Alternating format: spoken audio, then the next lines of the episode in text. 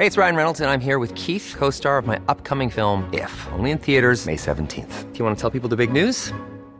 All right, I'll do it. Sign up now and you'll get unlimited for $15 a month in six months of Paramount Plus Essential Plan on us. Mintmobile.com slash switch. Upfront payment of $45 equivalent to $15 per month. Unlimited over 40 gigabytes per month. Face lower speeds. Videos at 480p. Active Mint customers by 531.24 get six months of Paramount Plus Essential Plan. Auto renews after six months. Offer ends May 31st, 2024. Separate Paramount Plus registration required. Terms and conditions apply if rated PG. A lot can happen in three years. Like a chatbot may be your new best friend. But what won't change? Needing health insurance. United Healthcare Tri Term Medical Plans, underwritten by Golden Rule Insurance Company, offer flexible, budget friendly coverage that lasts nearly three years in some states. Learn more at uh1.com. Burrow is a furniture company known for timeless design and thoughtful construction and free shipping, and that extends to their outdoor collection. Their outdoor furniture is built to withstand the elements, featuring rust-proof stainless steel hardware, weather-ready teak, and quick-dry foam cushions. For Memorial Day, get 15% off your Burrow purchase at burrow.com slash ACAST and up to 25% off outdoor. That's up to 25% off outdoor furniture at burrow.com slash ACAST. Gjenklang.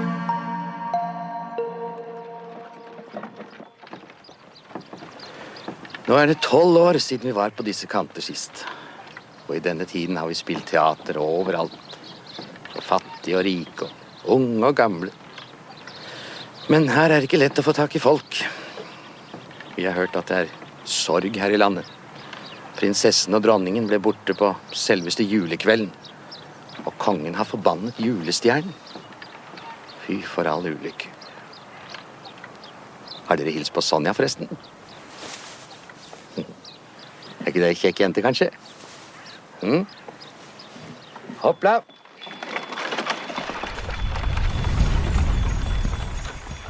Like sikkert som at tider skal komme og tider skal henrulle, er fortellingen om Sonja og om hennes reise for å finne julestjernen en av våre sterkeste felles juletradisjoner. Teaterstykket 'Reisen til julestjernen' hadde urpremiere på Nationaltheatret julen 1924 og blir beskrevet som sjelen til teateret. Da stykket kom på film for første gang i 1976, så var det med et rekordbudsjett og med et stjernespekka norsk skuespillerlag. For den unge Hanne Krogh var det like naturlig å ta rollen som Sonja som at slekt følger slekters gang.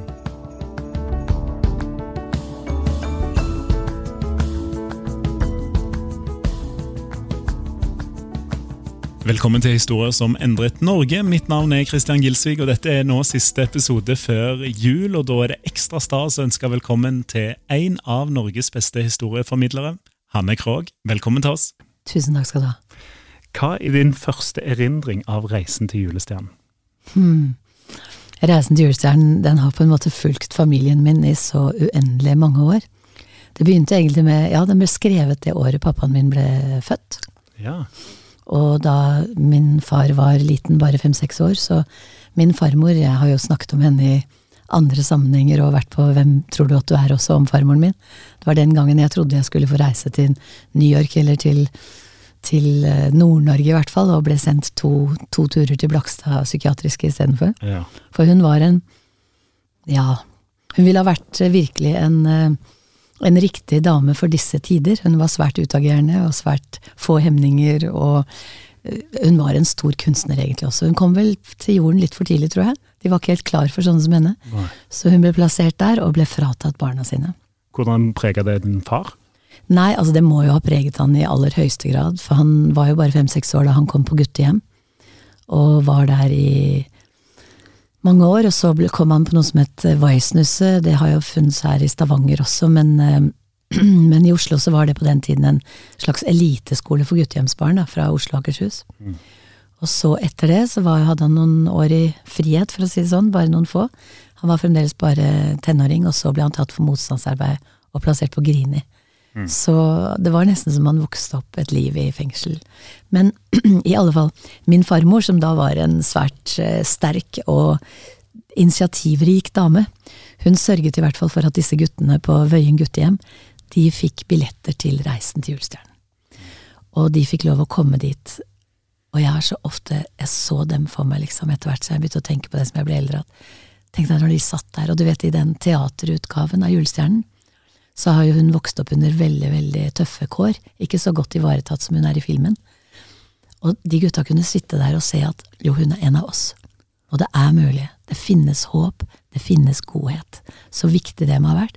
Og det tror jeg må ha vært bakgrunnen for at pappa, da vi bodde på Lambertseter da jeg var liten, og det var den fineste dagen i året for meg, da var det blitt kaldt, og så kommer pappa og sier at Hanne, nå skal du ta på seg de aller fineste klærne dine, den fineste kjolen, for nå skal vi ta trikken til byen, og nå skal vi på teater. Og så gikk vi med trikken da, og da gikk vi forbi Sten og Strøm, som var det store magasinet i Oslo, og det var det eneste stedet hvor de hadde sånn anført levende nisser i, i vinduet. Åh, vindusutstillingen til jul på Sten og Strøm, det var det største. Så gikk vi forbi der, og så gikk vi videre opp Karl Johan, og endte på Nationaltheatret. Og jeg kom inn dit og så den store lyskronen i den store salen, og bare forsvant inn i eventyret. Så det var egentlig mitt aller første møte med store sceneoppsetninger. Ja. Så det var ja, det var den viktigste dagen i hele min barndom, var hver gang vi skulle gå og se Reisen til julestjernen. Husker du noe av selve forestillingen? Jeg husker bare det storslagne, tror jeg. Mm. Og så husker jeg veldig godt Den tiden så var det jo en sånn stige ned fra stjernen, da. Hvor selve Jesusbarnet kom ned med, med stjerne. Det tror jeg de har fjernet. I ja. hvert fall det med at Jesusbarnet kommer ned. Men det var veldig stort. Ja. Akkurat da var det veldig, veldig stort. For det var jo bare lit, et lite barn som kom ned med det også. Men det var helst dette at uh, Dette med Sonja og Det oser jo godhet av den forestillingen. Og det at godhet vinner, ja, det bør jo alle eventyr egentlig handle om. Kan du huske at du tenkte på Sonja og godhet i barndommen i andre settinger? Jeg vet ikke om det var Sonja eller om det var Pollyanna jeg lot meg, lot meg prege av, men jeg var nok en veldig sånn jente som eh, lekte være glad-leken og prøvde å se det positive i ting. Ja. Det var noe sånn livet mitt var. Jeg har sagt det litt sånn litt eh, halvveis på spøk. Når folk har spurt om jeg var lykkelig som liten, så har jeg sagt at ja, jeg var usedvanlig lykkelig, for det var egentlig den eneste rollen som var ledig. Foreldrene mine ble jo skilt da jeg var liten jente, og vi Ja, det var kaotisk til tider. Jeg hadde jo også en farmor som flyttet inn hos oss, som, var, som tok stor plass og var svært intens. Så eh, ja, jeg vet ikke. Det kan ha vært Sonja som preget meg på det. det. Det er vanskelig å si når man skal se tilbake til sin egen barndom, hva som er bakgrunnen for ting. Du starta jo veldig, veldig tidlig, og fra du eh, har dine første sceneopptredener til du sjøl har rollen som Sonja, så går ja. du ikke mange år, men du, har, du, klarer jo å leve et liv inni det. ja, ja. ja, så jeg har vært, eh, alltid vært veldig opptatt av å ta livet mitt i bruk. Da. Jeg var ja. alltid veldig, veldig aktiv. Men jeg, jeg spilte jo i min første plott da jeg var 14, og så vant jeg Grand Prix første gang da jeg var 15. Eh, og representerte Norge i Dublin da med Lykken her. Jeg vant faktisk året etter òg. Men det gikk jo bare Det er rart altså hvor, hvor korte fem år er nå i min alder nå. Mm. Men den gangen så var det vel ja, fire og et halvt år fra jeg vant Grand Prix til jeg ble spurt om å komme på audition til på Reisen til julestjernen. Og det var veldig, veldig lange år, for innimellom der hadde jeg jo tatt ferdig videregående og flyttet hjemmefra, og det var veldig, veldig innholdsrike år, da. Og da, etter videregående, for jeg hadde jo aldri egentlig tenkt at jeg skulle bli noe annet enn skuespiller. Ja, Det var den store drømmen? Eh, det var ikke engang en drøm, det var bare det jeg hadde tenkt å gjøre. For jeg har sjelden drømt om ting, jeg har bare gjort ting. Ja, det er stor forskjell på det. Ja, og det er kanskje drømme. derfor du sitter der og jeg sitter her. Ja, du må liksom få det til å skje, da. Ja. Men i hvert fall da var jeg Du vet at man hører veldig mange historier om jenter som blir, spesielt jenter, og gutter også sikkert, som blir kjent altfor tidlig. Og som ender opp med å gå inn i en eh, depresjon. For det er umenneskelig tøft å, å, miste sin eh, anonymitet før man har funnet sin egen identitet. Altså å ikke kjenne seg selv ennå, men alle andre kjenner deg, på en måte. Ja, ja. Og det er veldig lett å gå inn i at du går inn i en rolle som blir tildelt deg, og du begynner å safe i forhold til det å bare gå ut og, og, og gjøre alt uten konsekvenser. For mm. ting får så tidlig konsekvenser. Og jeg fikk det i tredje gym. Og mine to beste venninner søkte begge teaterskolen. Og min dramalærer hun sa jeg skal lese med deg hver dag, du må søke, du må søke. Og så gjorde jeg ikke det. du gjorde det ikke fordi du var, da var du så langt nede? Eller Ja. fordi du ikke tørde? Det? Nei, jeg jeg er ikke så feig av meg, men jeg orket ikke tanken på å skulle gjøre noe som var så viktig for meg, tror jeg. Ja. For det var bare det jeg ville, og Ja. dermed så lot jeg det være. Jeg fant akkurat, jeg har nettopp flyttet nå, og da fant jeg gamle papirer, og da står det søknad om opptak til teaterskolen. Og så hadde jeg begynt å, å skrive på det brevet, og så hadde jeg aldri sendt det. Det var veldig rart å se det, jeg fikk en liten klump i halsen da. Men i hvert fall, begge mine beste venninner kom inn, det var fire jenter som kom inn det året. Og da tenkte jeg, hva gjorde jeg nå? Der gikk livet mitt. Man tror man har så dårlig tid når man er ung, vet du. Og da var jeg 19 år. Og så begynte jeg på litteraturstudier, og så jobbet jeg ved siden av på et veldig kaldt, lite kontor alene på Grünerløkka. Den gangen Grünerløkka var Grünerløkka. Det var kaldt, og det var eh, ikke så gentrifisert som det har blitt etter hvert. Eh, det var virkelig Det var masse lyder og masse lukter og masse farver og veldig ja, jeg syns Grünerløkka på den tiden virkelig var spennende, og de snakket fremdeles sånn ordentlig Oslo-språk som du nesten ikke Du finner ikke den Oslo-tonen i, i Oslo lenger. Den derre litt røffe, skånseløse, som folk kanskje i den tiden tok som arroganse, men som egentlig bare er litt sånn New Yorkers. Ganske frekk i kanten, men egentlig med mye varme. Som, som oser selvtillit på en sånn rar måte. Og det var veldig Grünerløkka for meg. Men så skulle jeg da reise hjem til Haugesund. Familien min bodde i Haugesund da. Jeg skulle reise dit hjem på juleferie bare noen timer etter at jeg skulle gå fra kontoret. Og jeg hadde jo ikke noe, noe telefon selv på den ettromsleiligheten som jeg bodde i. Jeg hadde jo ikke råd til det. Jeg hadde jo sluttet å synge og sluttet med alle sånne ting, for det sluttet jeg med i mange år. Og så, like før jeg skulle gå ut fra kontoret, så ringer telefonen der, da. Og så er det en stemme som sier god dag. Dette er fra norsk film, kunne du tenke deg å komme og prøvefilme til rollen som Sonja i Reisen til julestjernen? Og det var som om den stjernen bare dalte inn i det kontoret. Det ble selv sånn magnesiumhvitt lys som bare dalte ned til meg. Og jeg synes på en måte at det var helt riktig, for, for julestjernen hadde jo fulgt meg i så mange år. Og så dagen etter allerede, tror jeg, så skulle jeg ut på ut og prøvefilme, da. Da må jeg jo bare spørre, for da er du litt langt nede og har sagt nei til mye musikk, eh, og Ja. ser på venninnene som, som gjør eh, Teaterhøgskolen, og Ja. Men da finner du gleden med en gang i Reisen til julestjernen. Eh, Ja, altså det var en stor Og jeg er ikke sånn som jeg, jeg, jeg er ikke så god på det med lykke, egentlig. Men Nei. da vet jeg at jeg hadde helt sånn tindrende lykke inni meg. Prikke kroppen. Ja, ja, det var bare som et lys som bare fylte hele meg. Mm. allerede dagen etter så skulle jeg ut på audition, og det var sånn fantastisk dag. Jeg husker søsteren min og jeg, da vi flyttet til Haugesund etter å ha bodd i Oslo i mange år, så, så sa vi alltid når det var sånn iskald vinterdag, vet du, når, når det er ikke en sky på himmelen, og da er det ekstra kaldt, og det bare, alt bare gnistrer på alle kanter, og alle sølepyttene har fått sånn islag, og når du går på dem, så er det sånn helt spesiell lyd når de helt sånn gjennomfrosne sølepyttene sånn. Og sånn var det jeg tok trikken ut til Jar. Og mange år før, så da jeg var liten, så hadde jeg lest Mette-Marit går til filmen. Det var alle mulige sånne Mette-Marit-bøker. Og da beskriver det den trikketuren ut til Jar, Ja. som hun er med. Jeg tenkte nå er det jeg som er her! Og det var bare så stort. Og så gikk jeg av der da på Jar, og bort til filmstudio, og gjennom de store portene på norsk film. Og jeg kjente virkelig at nå, Hanne, nå går du inn i eventyret. For det aller mest spennende er jo alltid begynnelsen. Altså det er når alle illusjonene er der, og alt håpet er der, og alt bare stråler av nå. Nå starter det, nå starter alt. Og det kjente jeg da. Og jeg, den dag i dag, når jeg kjører forbi filmstudio tidligere, altså det som heter eh, Filmparken, tror jeg det heter i dag, den dag i dag når jeg kjører forbi der, så kan jeg kjenne Åh, Sånn sier det inni kroppen min, da. og jeg prøvefilmet i den, eh, i den scenen hvor Sonja faller ned i snøen, vet du, Ja. og sier at kjære julestjerne, skinn for oss, skinn for alle mennesker og gjør dem glade igjen, er ikke det? Skinn for meg. Det er faktisk en historie om det, men den kommer litt senere, da vi, da vi tar akkurat den scenen. Den Ja. var ganske morsom. Jeg men jeg må bare spørre, for det, Reisen til julestjernen på dette tidspunktet er jo en svær produksjon. Eh, og Ja. det er jo den største, det største budsjettet en norsk film har hatt på dette tidspunktet. Eh, og når du blir kalt inn på intervju, da er jeg litt sånn spent på hvem, hvem er i det rommet? Det er Odd Ven, og så var det Hans Nord, som var liksom stjernefotografen på den tiden. Og så var det Ola Solum. Først og fremst regissøren Ola Solum. Som jo var en av våre store filmregissører, og som dessverre forlot oss altfor tidlig, tidlig i 50-årene. Han gikk jo fra Julestjernen, så var det vel neste filmen han lagde, var Orions belte.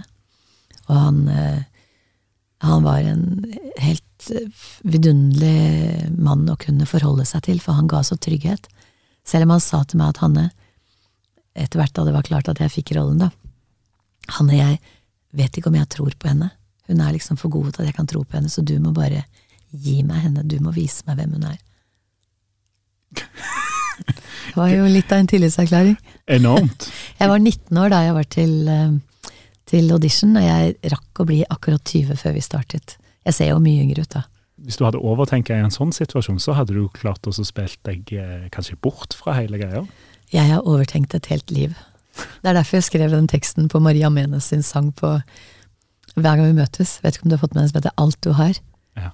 Alt som du er og var, har du fortsatt i deg. Men ikke tenk for mye. Hysj.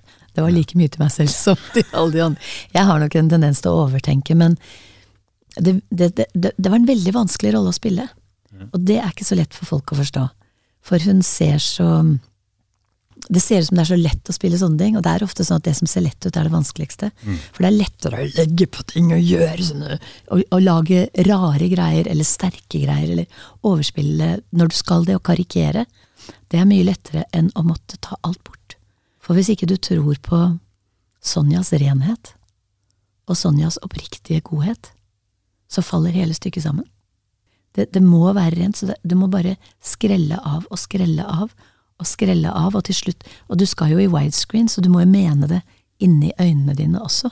Du må virkelig være. Du må ikke spille, du må være. Og det, det krever enorm konsentrasjon, faktisk. Det å ikke Ja, å ikke begynne å karikere. Men når du da får en beskjed eh, som eh, Tror tro, tro ikke helt på henne. Ja. Nei, men du vet at dette var jo midt på 70-tallet. Ja. Dette var jo da man begynte å stille spørsmål ved alt. Ja. Ikke sant? Og det var liksom en som viste seg å være prinsesse, og du ser jo det på filmen, at den er jo gått bort ifra gått bort ifra mye av det som var i, i teaterversjonen. Blant annet så var det noe Ola ikke ville akseptere. På teatret så, så, så begynner de idet Sonja kommer tilbake. De begynner akkurat der. Eh, Så blir bare historien foran det fortalt. Og da er det én setning som sier 'dronningen døde av sorg'. Ferdig med henne. Og det kunne ikke Ola akseptere. Det var for uh, Hva skal man si? Um, umenneskelig, liksom. For han ville gjerne starte med at Gulltopp er med. Og eh, hun som spilte Gulltopp, var jo aldeles nydelig. Hun var fire år gammel. Ingrid Larsen, heter hun. Hun var, hun var, var bare et rått talent for skuespill, og synd at hun ikke fortsatte med det. Eh, Jeg tror hun kunne bare fortsatt, for jeg tror hun hadde bare et sånt helt sånn unikt talent. Så han begynner med at uh, Gulltopp er der, ikke sant, og så istedenfor at dronningen dør, så blir hun forvandlet til den gamle konen. Jeg håper ikke dette er noen sånn spoiler nå, for folk som kanskje aldri har sett Julestjernen. da, da, finnes jo ikke Det jo knapt mennesker i Norge som, eh, som ikke har sett denne filmen, så jeg, tror- så jeg tror ikke det er et problem. Og så ble den vel nok litt mer sånn politisk korrekt med at hun blir ikke kidnappet av en røverbande hun treffer på et teaterfølge, ikke sant. Ja. Og det var jo viktig for meg, da jeg kom i gang. For det er jo veldig lett å spille når du spiller mot skuespillere av det formatet som var med på fillers.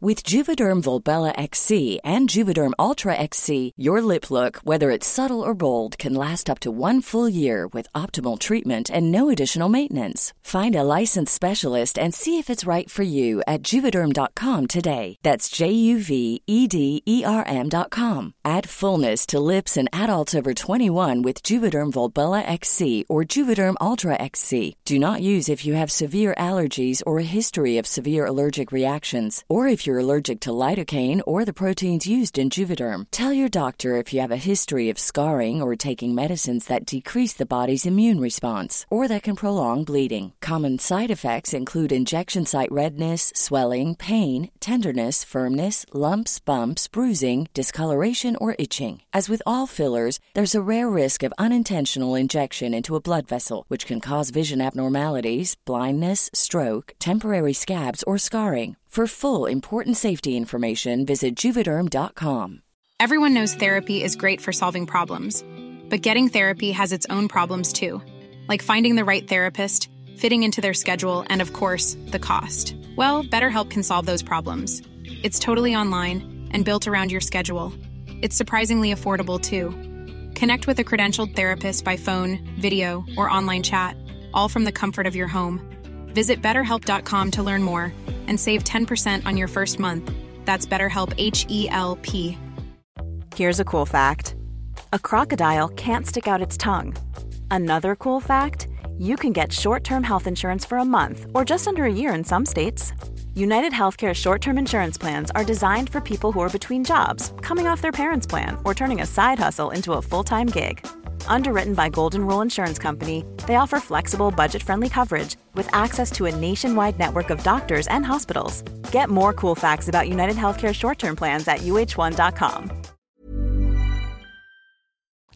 Når vi leser om det, og vi snakker om det så mange år etterpå, Ja. kan, du, kan du på en måte huske om du kjente på disse tingene, at dette her kom til å bli helt uh, unikt?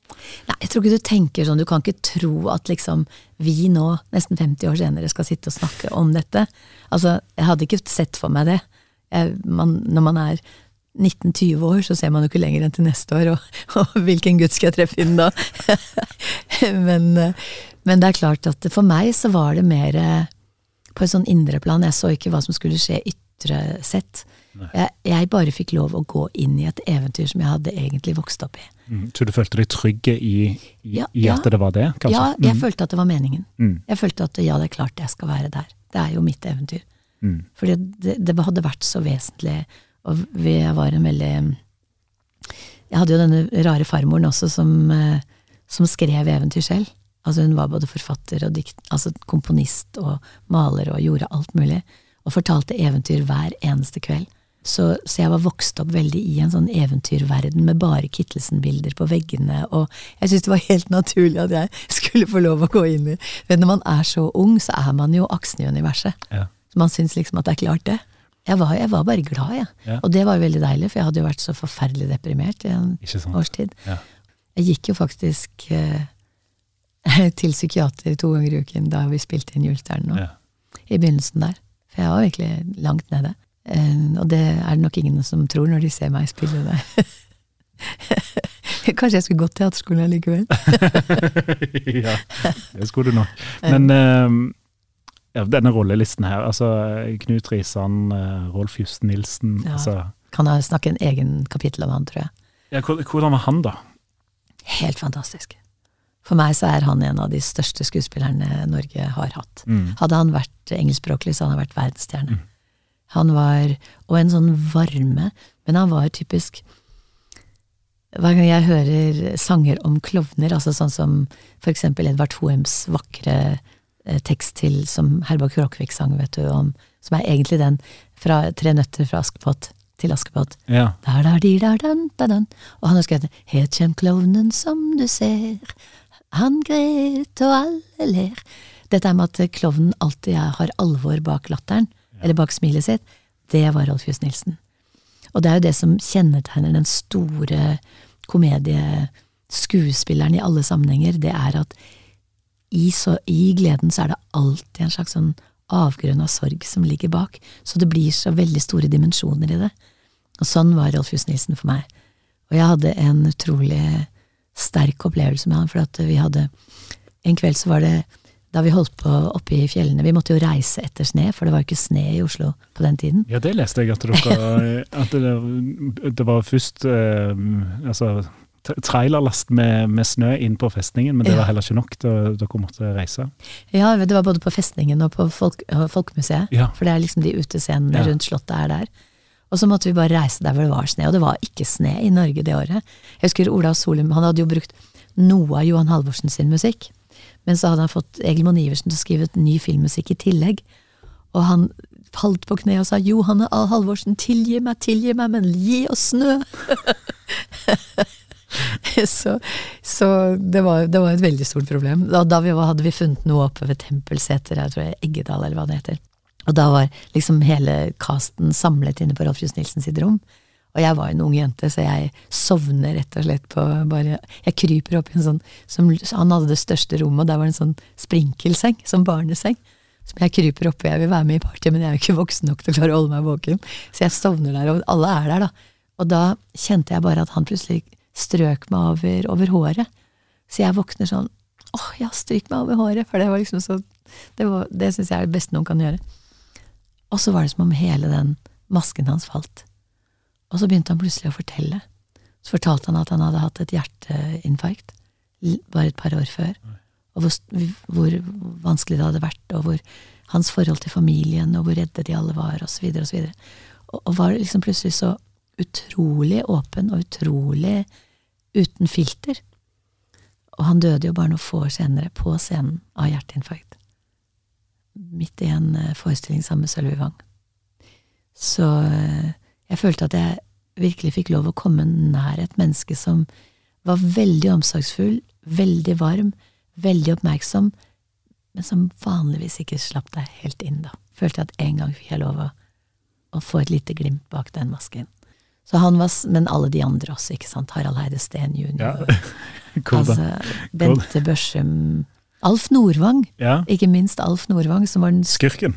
Som var den greven. onde greven. Ja. Og jeg var så betatt av han. Du var det, ja? Jeg var så betatt av han. Jeg syns han var så kjekk. På østlandsk, på, på, vestlandsk også, men ja, guri meg. Jeg skulle bare visst hvor, hvor fin Sonja syns at greven var. nå, må du, nå må vi ikke ødelegge filmen her. nei, nei, nei, ikke det hele tatt.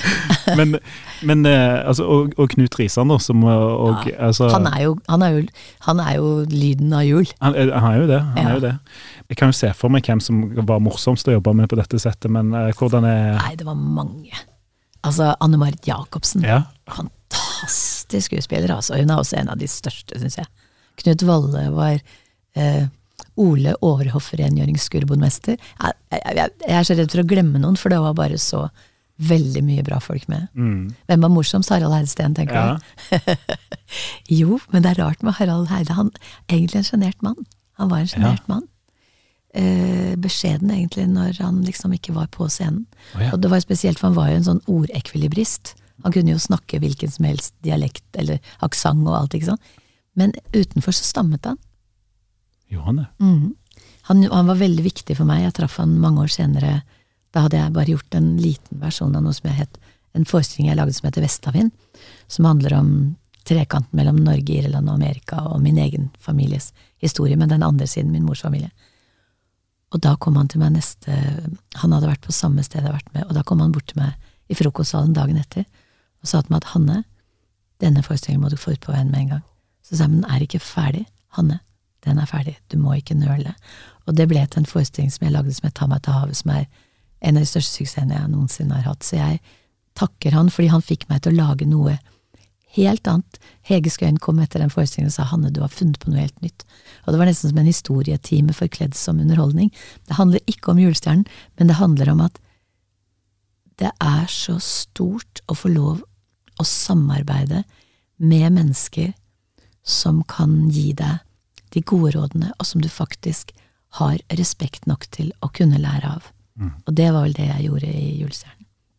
Hvordan var det å spille den i filmen? Altså, du, det var kaldt. Ja, for, ja. det var veldig kaldt. Nei, jeg tenker på den som jeg sa da, som jeg, som jeg hadde prøvefilmet i. Vi satt oppe på et eller annet, jeg husker ikke hvilket fjell det var vi spilte inn den. Og det, var, det som var så spesielt, var at de hadde glemt å lage en dublett, altså en ekstra av kostymet mitt. Oh, ja. Og det var jo og Sonja går jo gjennom stormer, og det blåser, og det er vått, og alt blir klissvått. Og så var det bare sånn Hanne, du kan ikke gå inn i For det frøs jo. Det frøs, og du kunne egentlig bare brekke klærne om du hadde gjort det. For det var bare is. Men du kan ikke gå inn i campingvogna og, varme deg, for da, da, blir det helt vått igjen. Du må bare være ute. Nei. Jo, og så skulle jeg da falle over ende i denne sneen, da. Der hvor Sonja faller. Han sier 'kjære julestjerne, skinn for oss'. Og så roper Hans Nord, fotografen, 'Hanne, bli sittende, ikke rør deg! Zoomen har frossa fast'. da kom faktisk Ola etterpå. Jeg var solidarisk og hadde på en lue som jeg hadde strikket til han, bare det at han brukte den stygge lua jeg hadde strikket, og satt der sammen med meg etter hvert, for det var så iskaldt. Og det husker jeg at det var kaldt, men eh, det var det hvor, var, hvor, lenge tror du du satt? Nei, det vet jeg ikke. Men Nei. det var, det var altfor lenge til at jeg Men jeg tror alle bakteriene bare For, for de frøs i oss, de viste seg aldri. Jeg ble aldri syk. Så det var det var, så, det var så mye som skjedde at du nesten ikke Det tok jo et halvt år. Og det hadde jo konsekvenser i mitt liv, for å ta en liten avsporing igjen. Det gjorde jo at jeg begynte å At jeg begynte å Jeg søkte meg inn på den filmskolen som de hadde i NRK på den tiden. For jeg tenkte det er det jeg vil. Jeg vil jo egentlig ha regi. Jeg har ja. lyst til å være med og skape det hele, men det er en helt annen historie. Men det hadde store konsekvenser, eller store avgjørelser ble tatt på grunn av det etterpå. For jeg, jeg syns jo det å jobbe med film var utrolig spennende. Mm. Men det er klart at dette var jo en stor og påkostet film, og jeg tenker i dag, vet du, for det budsjettet som var for Julestjernen, jeg vet ikke det var ikke, det var ikke store potten, egentlig. Du får ikke en video på et høyt nivå i Norge for det engang, i dag. Tre millioner, leste jeg. Ja, tre millioner. Det var akkurat det det var. Og det, det, er liksom Du får ikke mye for det i dag, altså, når du virkelig, hvis du går på Karpe-nivå og sånn, så holder ikke det. Nei, det gjør ikke det. Det gjør ikke det. Du snakket litt om eh, Gulltopp, Ingrid Larsen, men det er jo eh, det er jo òg litt nøkkelen til filmen her, at du blir glad i Sonja allerede da. Jeg er så enig med deg. Hun var bare helt super. Jeg husker, jeg husker Ola Solum spurte henne, for hun, hadde, hun gjør en sånn runde i, i, skogen. da, Hun skal liksom gå mot kamera. Og så gjør hun Hun går i en liten sånn Hun tar en bue. Og så sier Ola 'hvorfor gikk du den buen'? Jo, sa hun. Ellers så hadde jo ikke dere sett meg i kamera. Fire år! broren, broren hennes har fortsatt å jobbe med film. Han er en av, kanskje den, ikke kanskje en av, han er kanskje den fremste som er innenfor special effects her i mm. landet. Mm. Ja, som også jobbet i Hollywood med de største filmene der. Øystein heter han. Så noen har virkelig blitt eh, ødelagt i forhold til å måtte jobbe filmen. Ingrid valgte ikke det, da. Nei. Eh, altså dette gullhjertet som er, er ja. sentralt. Har du er det noen ting du liksom har sitter igjen med fysisk fra, fra, det filmopptaket? Jeg skulle ønske jeg hadde fått det. Ja, det, ja, det var sikkert ikke ekte, men uh, det ville jeg ha satt utrolig pris på om jeg kunne hatt. Ja. Uh, jeg hadde kjolene en stund. For sånn, sånn, har jeg blitt mer oppmerksom på etter hvert. Det å ha et minne fra enhver stor ting man har gjort. Så jeg har liksom den rosa Mobira Talkman-telefonen til Bobby Socks sånn, det har jeg. Men det, må, det, ville jo vært gullhjertet fra Julestjernen som ville ha vært helt det, det, det, skulle jeg ha rammet inn i så fall. Hengt på veggen det at du var inne i en depresjon før denne innspillingen, og da også spille holdt på å si moder god, Sonjas godhet og levere på det, eh, var det noe som holdt seg gjennom hele? altså Ble det utfordrende underveis, eller? Ja, altså det var litt rart, fordi at eh, den gangen ikke sant, Dette er altså midt på 70-tallet. Og det har nettopp vært kvinneår, og jeg har jo alltid vært ganske sånn ja. kvinnekampjente. Så de første 14 dagene var jeg altså helt yr av glede. Så etter 14 dager så begynte jeg å tenke hm, er hun egentlig noe kul? Ja. Er hun egentlig noe stilig? Hun er jo bare snill. For jeg var fremdeles så ung at jeg forvekslet vennlighet med veikhet. Men nå i dag så tenker jeg at i all verden Altså, det er jo For når alle rundt henne sier at Sonja, du kan ikke finne den stjernen, så sier Sonja jo da, det er bare at det er jeg som gjør det. Og så gjør hun det. Hun går ut i skogen, hun, hun, trosser både onde grever og dårlig vær og mørke og alt som er, og finner stjernen på grunn av kraft og mot og besluttsomhet. Men først og fremst finner hun stjernen på grunn av godhet.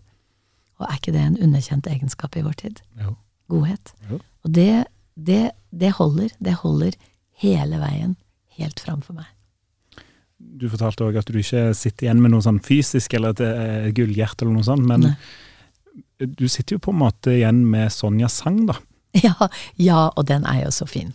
For den var jo egenskrevet til denne filmen. Dette er ikke noe som vi ser i teaterstykket. Nei, der synger Sonja en annen sang. Ja. En Johan Halvorsen-sang. Og noe av musikken til Halvorsen er jo også brukt i filmen. Men uh, Det er jo masse morsomme sanger. Presanger, presanger, presanger, presanger. Disse her. Vi, eller vi er gjøglere av fag. Alt dette er og Egil Monn Iversen. Og det er typisk at uh, det skal store komponister til for å skrive noe som samtidig er enkelt og evigvarende. Og det å få lov å ha en hevd eh, på akkurat den sangen, det er uh, for meg Altså det å få lov å bli med mennesker inn i deres minner og deres tradisjoner, og også via den sangen, det tror jeg er det største man kan oppleve som artist. Mm. Så for meg så vil Reisen til julestjernen og Sonja sang til julestjernen ha en helt egen plass inni hjertet mitt for alltid, så lenge jeg lever.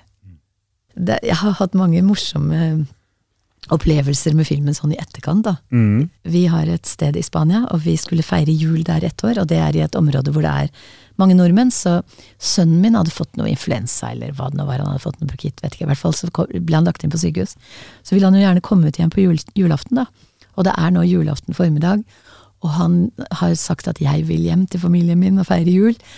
Og det er bare noen få år siden nå, og så står legen og to sykepleiere og diskuterer inne på rommet hans. Og det er jo norsk TV.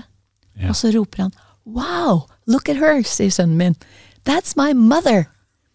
Se på henne, det er moren min! Og så ser de på han, og så ser de hun på TV som er mye yngre enn han som ligger i sengen og sier Nei, han er ikke frisk nok. Han må bli her. Og datteren min, da hun første gang så den, hun så den på TV, husker jeg, var, hun var også fire år. Og så sier jeg at uh, Da hadde jeg liksom lært, jeg skulle ikke si at det var meg, for jeg, den gangen så sa jeg til Sverre at det var meg. Og da begynte han å gråte og sa 'mamma, mamma, hvorfor puttet de deg i fengsel?' Så oh, ja, tenkte jeg ja. det skal jeg ikke gjøre en annen gang. Nei. Så da Amalie hadde sett den, så sa jeg, for det gjorde hun virkelig, da hun var liten, så sa jeg 'ser du at du ligner på hun som er gulltopp'? Ja, sa hun, det gjør jeg faktisk, mamma, men vet du hva som er veldig rart? Hun som er Sonja, hun ligner bitte, bitte lite grann på deg. År, årene går. Men uh, når det blir avslørt, da? Ja, det tok lang tid. Det ja. sa ingenting. Det så hun ikke før hun eh, var åtte-ni år gammel, tror jeg, ja. og, og, leste rulleteksten for første gang. Og da ble hun sint. Ble hun sint? Ja, fordi hun syns at Du kan tenke deg, jeg har vært på turné hele hennes liv. Og julaften hadde jeg fryktelig mye å gjøre. Da skulle det kjøpes presanger og ordnes til jul og gjøres alt mulig. Så hun kunne gjerne sitte nesten alene, i hvert fall ikke med, min, med, med meg ved siden av seg, ja. og se denne filmen. Ja, nettopp. Så hun følte at det var hennes. Hun eide den filmen. Ja. Og da hun så at det var meg, så syntes hun at hun har sannelig stjålet den fra meg. Så det var nok derfor hun Min datter har skuespillerutdannelse fra Storbritannia. Og er ikke noe musikalartist, ikke noe sanger. Hun vil ikke synge, hun vil ikke gjøre det som jeg gjør, og reiste også til utlandet for å slippe litt unna Hanne Krogh, tror jeg, for å, jeg skal klare selv, ja. og ha liksom de fremste teaterskolene der. Men så, sku, så, så hun at de skulle sette opp Reisen til julestjernen på uh, Folketeatret, og tenkte nå skal jeg endelig ta den rollen tilbake. så hun gikk på audition og fikk den rollen. Og jeg syns at det i seg selv er så vakkert at det er hun som er Sonja på Folketeatret, fordi hun bare følger, fører jo familietradisjonen videre. For den startet jo ikke med meg. Den startet jo med pappaen min og med farmoren min som ordnet billetter til de guttene, og den har jo fulgt oss hele veien, og det var liksom så naturlig at når julen kommer, så sier vi det jo, slekt skal følge slekters gang. Og for meg så er det veldig vakkert at det er Amalie. Hanne Grøg, det har vært eh, fornøyelse å få historien om din reise til, til julestjernen. Tusen takk for at du har tatt deg tid til å være med i Historie som endret Norge. Tusen takk for meg.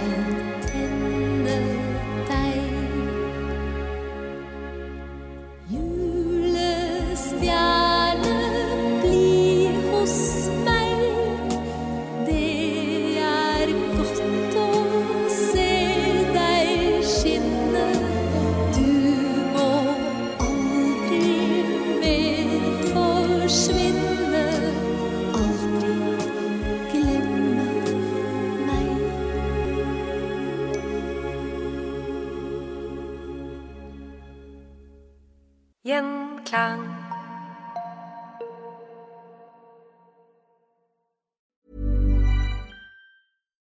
Deserves the best, and there's no better place to shop for Mother's Day than Whole Foods Market. They're your destination for unbeatable savings, from premium gifts to show-stopping flowers and irresistible desserts. Start by saving 33% with Prime on all body care and candles. Then get a 15-stem bunch of tulips for just $9.99 each with Prime. Round out Mom's menu with festive rosé, irresistible berry chantilly cake, and more special treats. Come celebrate Mother's Day at Whole Foods Market.